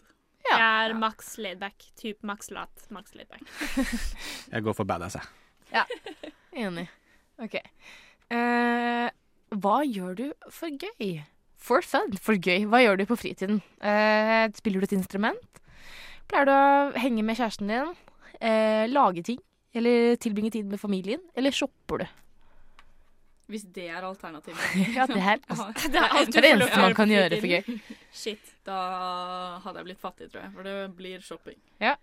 Det står mellom shopping og create something, for radio er veldig gøy, da. Ja, oh, Ja, det så, og jeg liker å tegne, så jeg tror kanskje jeg går for create things. Ja. Tage? Mm, jeg spiller egentlig instrument, da, men kanskje hvis jeg er en jente, så hadde jeg gjort det. I min- Spiller et instrument? Ja. Nei, du må gjøre hva du Du gjør nå. som deg, Tage. Som meg, som meg nå? Ja. Ok, greit, da. Uh, et, da eh, blir det vel create things, egentlig. Det Ja. er det. Av. Eh, OK. familien. Hva er drømmejobben? Eh, Fuck film- familie. Du kan gi med deg, ass. Aldri. Hva er drømmejobben? Filmstjerne? Eh, motedesigner? Gjøre ingenting? Eh, være i et rockeband? Eller, eller noe annet? Something else. Ja, det er jo spesifikt, da. Um, ok, men hvis dette er valgene mine, Mm. så vil jeg veldig gjerne ha gjort ingenting og tjent penger på det. Ja. Det hadde vært litt kjedelig, da. Ja, Jeg tror kanskje jeg bare har tatt for noe annet. Something else. Jeg vil være moviestar. Ja, skjær det. OK. Beskriv vennene dine. Eh, jeg er nærere familien min. Å, lame. Eh, de er quirky og morsomme. Jeg har ikke så mange venner, Hva jeg. skjer med at det er to sånne få venner-options? Ja, jeg har ikke så mange venner. John Hughes har, Eh, har ikke venner. De er litt overfladiske. Eller de har alltid ryggen min. They got my back. Hmm, ja Jeg tror quirky and fun. Ja, For det er litt det sånn blir jeg det. er. Ja. Og vennene mine er litt sånn. Ja. Det er ikke det at de ikke always have my back, men sånn, de trenger ikke å ha det så ofte. Det er ikke som om jeg har en gjeng som prøver å drepe meg med jevne mellomrom, eller at jeg har noen fiender. Så jeg er tror jeg går for quirky. man Nei. oppi, liksom. Jeg trenger ikke at vennene mine passer på meg kontinuerlig Nei. og forsvarer meg, liksom. Så jeg tror quirky and fun. Jeg går for jeg, har, jeg føler at jeg har mange bekjente og liksom mange sånn stort nettverk, Ja. men ikke så veldig nære venner, så jeg går for I don't have a lot of friends. Ooh. Kontrovers. Og med diamanter da, Jeg tror jeg er Ok. litt sånn tagelig. Dere, velg en bil. Oi! Eh, og nå er det bilder. Skal jeg prøve å forklare med de vakre ordene? Ja. Har vi så peiling på biler, da? Eh, ikke i det hele tatt. Jeg tror det her er en hvit er eh, Her er det en Den hvit eh, eh, convertible, altså en eh, Cabriolet. cabriolet. eh, Porsche, etter hva jeg kan dømme. Eh, den ser veldig fancy ut. Eh, en annen er en grå, gammeldags bil. En annen er en sort, gammeldags bil. eh, den siste, en til, en rosa, også gammeldags, bare at den har kabriolet. Og så har vi den siste røde, liksom sånn derre eh, Hvis du har sett eh, eh, Jeg vet ikke hva det er. Det er en italiensk sportsbil. Kanskje litt som den i Ferris Bueller's Day Off. Ja, litt sånn som faren Ja, sånn eier. Gammel Ja, ja, ja, garantert. Ja. Mm. Det er sikkert derfor den er her. Så hadde jeg valgt den rosa bil. Den var veldig Lett. ass. Okay. Men jeg vil ikke velge den, for da blir jeg hun i Pretty in Pink. Ja. Eller sånn, og det er ikke Nei, til. men jeg stoler på personligheten Ja, du må, du må være ja, den du Jeg er. hadde gått for den røde Nei, kanskje den hvite, for den er mer Du må ikke tenke moderne. strategisk, vet du. Ja, Jeg, går- sånn, jeg går for hvite.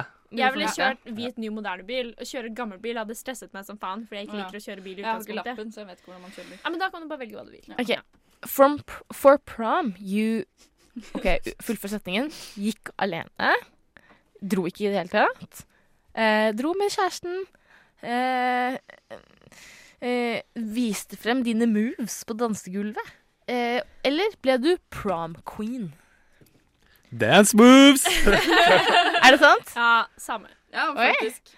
Alle sammen dance ikke- moves? Det var ikke liksom kultur for å sånn spørre hvem du skal gå med, liksom. Det var bare sånn man dro, og så danset man, og så Vi- var man, danset man med den man var keen på. Vi hadde sånn automatisk date. Typ alle ble satt opp Ja. sitteplasser. Og så så ja, var den du satt til venstre sånn. for, var liksom daten din. Og han løy og sa at jeg rapte han i ansiktet og tråkket han på tærne og sånn. Så Hva jeg het liksom- han? Hva het han? Uh, nei, det kan jeg ikke si. Jo, det kan jeg du tror det blir for kleint.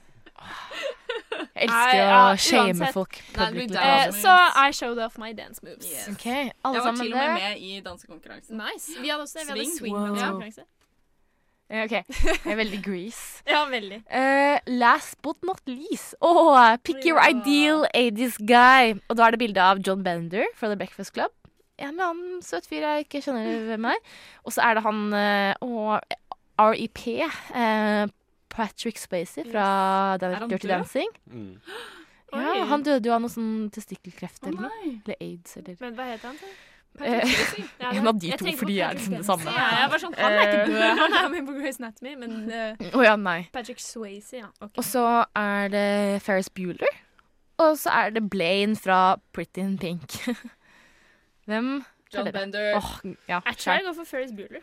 Jeg Wow. liker, jeg liker dem litt sånn morsomme. Og litt Ja, sånn jeg er enig, Ja, okay, men eh, jeg Men Jeg går for eh, sykt Swayze. Går du for Swayze? Ja, fordi han er med i Point Break. Med, Ja, med Keanu. helt enig. Ja, OK. Bare for å komme er nærmere Keanu. Lett. OK, uh, Swayze. Da er vi klare for resultatene. Ja. Og calculating. Det her er spennende. Woo! OK. Tage, hvem ble du? Tage, Ja. Vil du announce hvem du ble? Nei, hva sier du? OK, Tage, du ble Claire fra The Breakfast Club. Shit! AKA The Princess. Åh, princess. Og det er fordi uh, du har You have it all. You you're truly blessed in life. Uh, you might even think you are a princess, but deep down you are sweet and caring. You also have a thing for bad boys. oh yes! Nice. ja, OK. Tale, hvem ble du? Jeg ble baby fra Dirty Dancing. Ah. Ingen putter deg i hjørnet. Ingen Nei. putter meg i hjørnet. Det står at jeg er nysgjerrig, uh, curious about the world and very passionate about those who love you. Okay. You can be shy at times, but once you get n- nei, once you get gets you going, you're a firecracker. You bring on the best in people and make everyone around you feel feel at ease. Ok, men føl det føler jeg egentlig passer til Ja, deg. jeg synes det passer. Det står veldig bra. Du er baby. Baby. Ok. Baby. Jeg ble Sloan fra Ferris Bueller's Jeg ble også Sloan. Nei! Ja. Vi er Og det syns jeg var så utrolig hyggelig. For at jeg var sånn Hei, jeg er ikke så kul. Sloan er jo den kuleste av alle. Ja, det står uh, You're laid back and chill Ja. and the cool girl that everyone is comfortable being around. You have an uh, air of mystery about you, and you also have a wild side. Ja, Ja, fordi- Miriam. Fordi jeg har ikke sånn air of mystery. Jeg er veldig åpenbar. Det er veldig lett å lese meg. Så derfor syns jeg det var så rart. Og så er hun liksom litt sånn Jeg vet ikke, jeg er cool and sexy. Og det omvendte av det jeg er. Jeg er bare sånn krumsete og rar. Ja. Det var kult å finne ut at vi er egentlig samme person. Da, Ja, er gøy. Hvem visste det, liksom? Mm. Fett. Det var fint å lære litt om seg selv. Ja, helt enig. Om uh, alle andre. Ja, og om andre. Ta quizen, du. Uh, si hvem du ble. Ja, Mm. Fortell oss. Fortell vi oss. er interessert. Mhm. Fett. Nå skal vi høre kanskje Nova Noirs yndlingsband sånn kollektivt sett. Dette er Psyched Kit med MR-mann. Det var altså Psyched Kit med MR-mann, hele Nova Noirs yndlingsband. De er to psykologistudenter som lager eh, koselig pop, alternativ folkmusikk. Jeg vet ikke. Med gitaren sin. psykologi. Som handler, eller ofte har psykologiske undertoner. Eh, ikke undertoner engang, sånn, det er det det handler om. Dette er psykologi. Det er dritfett. Jeg elsker Veldig, det. de har veldig sånn sang som heter Bil, som Ja, er favorittsangen Vi spiller den også non-stop eh, hver gang vi har sending. Så tenkte kanskje vi skulle spille den i dag, men de er på Spotify. Hør litt rundt, finn dem der. Hør på dem dagen lang. Det gjør i hvert fall jeg. Vi er vel ferdige for i dag? Vi er vel dessverre det. Det har vært en veldig god sending med kjeks og Laban og Øl, Simon og godteri. Øl. Og øl. Eh, Klokken ti på en torsdag. Nei, ja. ja. Vi har blant annet eh, anmeldt Allied, eller jeg gjorde det. Den fikk syv av ti. Absolutt verdt å se, men sånn, du dør ikke hvis du ikke ser den. Det er Brad Pitt, det er uh, Marion Gautier. De er flinke. Filmen er OK. Om ingenting annet så kan du se den bare for å se Brad Pitt med sin mistress Marion Courtiard. Bare for å nevne det. Oi, oi, oi. Shady. OK. Ja, ja. for all del. Sånn. Det òg. Vi er Nova Noir. Jeg er Julie Oskar Andersen. Jeg er Taleråd. Jeg er Miriam Folland. Tekniker slash uh, innspill, deltaker, uh, fast medlem i Noir er Dag Riva Sollesen. Vi har hatt kjempefint. Håper du har hatt det kjempefint. We've had the time of our life. Eller hva, Julie? Åh, definitivt. Hver torsdag. Alltid. Vi ses neste torsdag. Ja. Da blir det mye annet gøy som skjer. Ja. Nye filmer, nye nyheter. Ses da.